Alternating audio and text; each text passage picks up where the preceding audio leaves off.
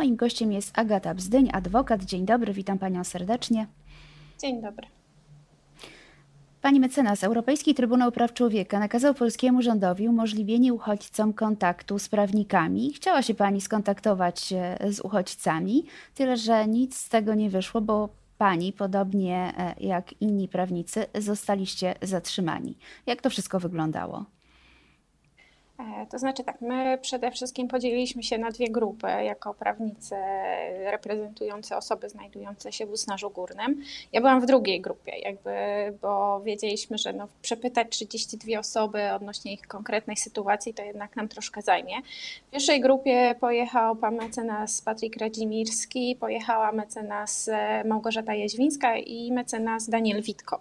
I oni zostali zatrzymani właśnie tuż po wjechaniu w strefę objętą stanem stanem wyjątkowym obecnie, zostali spisani i kazano im zawrócić. Krótko mówiąc. Czyli Państwo już nie podejmowaliście próby dotarcia? No drugiej próby już nie podejmowaliśmy, bo jakby wiedzieliśmy, że będą, efekt będzie taki sam. Ale zamierzacie Państwo podejmować jeszcze jakieś kolejne próby y, kontaktu z uchodźcami? Tak, ale no, jakby mając świadomość tego, że no, skończą się one tak jak i ta pierwsza. A co w sprawie uchodźców zamierza Pani zrobić w najbliższym czasie?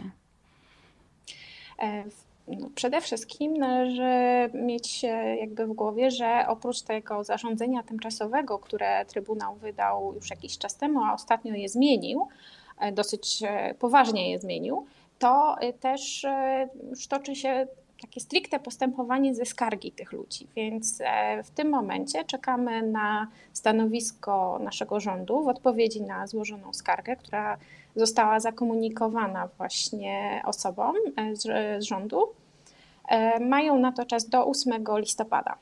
Także mhm. po 8 listopada my będziemy odpowiadać na to z kolei, co napisze rząd, a w tym momencie przygotowujemy odpowiedź w związku ze stanowiskiem rządu E, w jaki sposób chce nam e, umożliwić ten kontakt e, właśnie z naszymi klientami. Stanowisko jest publiczne, rząd opublikował to, co napisał jakby do Trybunału w odpowiedzi na zastosowany środek tymczasowy i znajduje się tam taka propozycja, żeby nas dowieść do granicy, żebyśmy sobie mogli przejść przez granicę białoruską i od tamtej strony porozmawiać z naszymi klientami. A to przekroczenie granicy rzeczywiście będzie możliwe? Ja nie sądzę, po pierwsze, że dostaniemy w ogóle wizy. Po drugie, e, no, tam nie jesteśmy prawnikami, tak? Ja tam nie mam uprawnień do wykonywania mojego zawodu.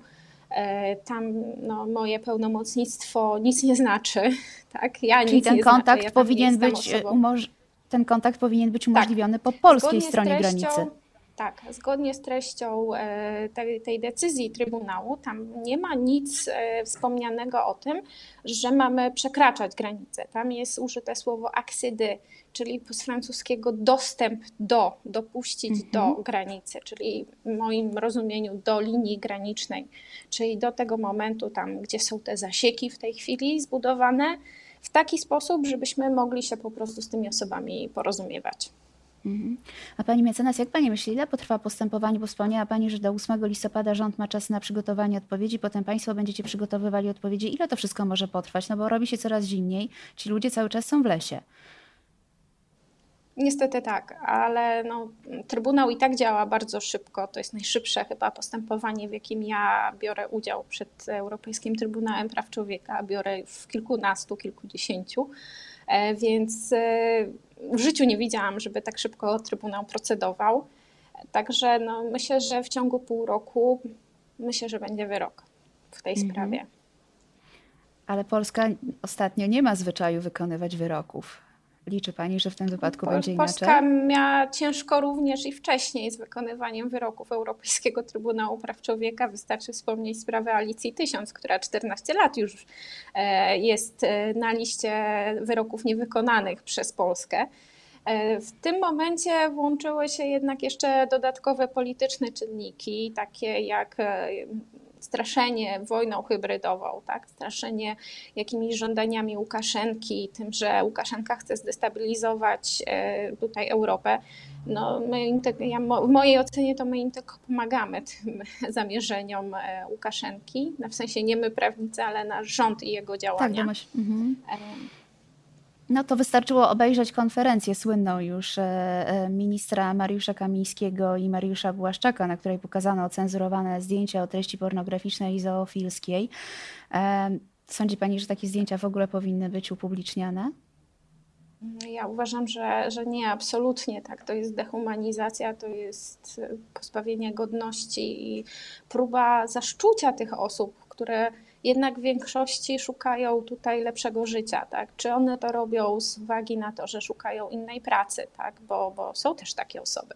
Mhm. E, są też osoby, ale są też w większości osoby, które uciekają przed jakąś formą represji e, w swoim własnym kraju, tak? Czy to będą osoby z Afryki, które też uciekają przed zmianami klimatycznymi. Tutaj musimy sobie zacząć zdawać z tego sprawę, że zaczyna też e, dosyć poważną e, grupą być grupa e, osób uciekających właśnie z uwagi na to, co się dzieje z naszym klimatem. Są też osoby właśnie teraz w związku z przejęciem władzy przez talibów w Afganistanie, które zdecydowały się uciec jeszcze zanim właśnie tak jak grupa Lusnarza, tak? Są to mhm. osoby, które uciekły zanim wojska te koalicyjne zaczęły ewakuować ludzi. To są osoby, mhm. zgodnie z tym, co mamy do tej pory od nich informacje, to osoby te uciekały już tak w połowie lipca. Więc one miały trochę czasu, aby dotrzeć do naszej granicy. Czy to zrobiły samolotem, czy to zrobiły w jakikolwiek inny sposób, to naprawdę nie ma znaczenia. Ważne jest to, że te osoby uciekają e, przed tym, że jednej osobie zabito męża, tak, drugiej osobie gdzieś porwano E, osoba, e, jest jedna osoba, która ucieka z dziećmi, tak? kobieta, która ucieka z dziećmi, e, właśnie zabrano jej męża, nie wie co się dzieje z jej mężem. Natomiast ona chce chronić swoje dzieci przed tym, żeby one też nie były zabrane przez talibów. Mhm.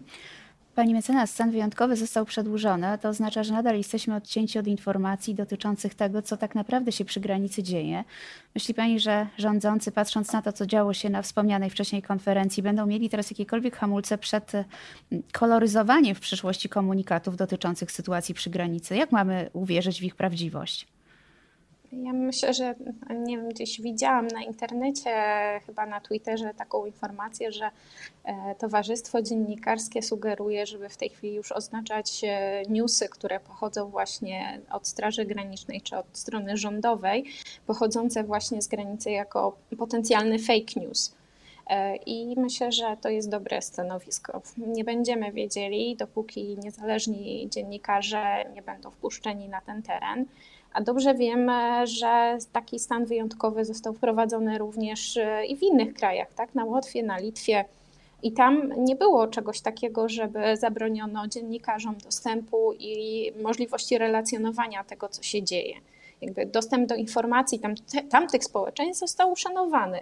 Natomiast u nas e, pozbawiono nas tej e, możliwości. Polegamy na jakichś relacjach e, osób, które gdzieś znajdują się albo blisko strefy wyłączonej, albo mieszkańców, którzy znajdują się w strefie stan, stanu wyjątkowego. No są to osoby, nie, to nie są profesjonalni dziennikarze, natomiast już ich relacja jest przerażająca a są to osoby, które po prostu relacjonują, co się dzieje za ich płotem, że tak kolokwialnie powiem. E, więc myślę, że jeżeli mielibyśmy dostęp prawdziwy do informacji, jeżeli państwa, państwa dziennikarzy by wpuszczono, ja myślę, że to by bardzo wiele pomogło i tym ludziom, i nam jako społeczeństwu, żeby jednak obserwować i patrzeć władzy na ręce i być może uchroniłoby nas od dalszych e, takich konferencji kolejnych, które być może nas czekają. Już pomijam fakt, że osoby z, e, chyba bodajże z Okopres doszły do tego, że te zdjęcia to wcale nie były ze znalezionej karty SIM, tylko to już są zdjęcia czy filmy, które krążyły w internecie od wielu lat. Tak, tak, tak. Także to, to pominę to milczeniem, bo naprawdę nie ma sensu tego komentować.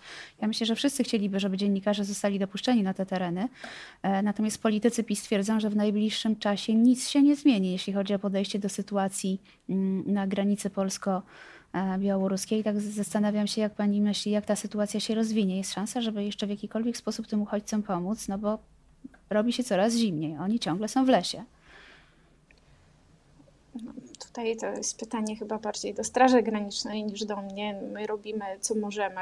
Są też aktywiści, którzy robią co mogą, tak, protestują mhm. w siedzibie na przykład Polskiego Czerwonego Krzyża, który jak najbardziej mógłby się udać na granicę z misją humanitarną i tym osobom tam pomagać. Są to osoby, które mają jak najbardziej mandat do tego, żeby to robić i powinny to robić. E, robi się coraz poważniej, robi się coraz zimniej. E, te osoby pochodzą z krajów o innym zupełnie klimacie niż nasz, więc e, na pewno dużo bardziej dotkliwie odczują zmiany temperatury niż na przykład my w Warszawie, prawda? Mimo, że to mhm. też nie jest przyjemne, jak się zmienia temperatura na jakąś taką skrajnie niską. Natomiast no, nie wyobrażam sobie spania w tej chwili na gołej ziemi bez ubrania, bez możliwości wypicia ciepłej herbaty czy czegokolwiek. E, to znaczy, ja myślę, że postępowanie. Zwłaszcza, że tam są małe dzieci również. Nie tylko Zwłaszcza dorośli. tak, że są małe dzieci. E, coraz więcej tych małych dzieci jest. E, czy to jest gra Łukaszenki, czy nie?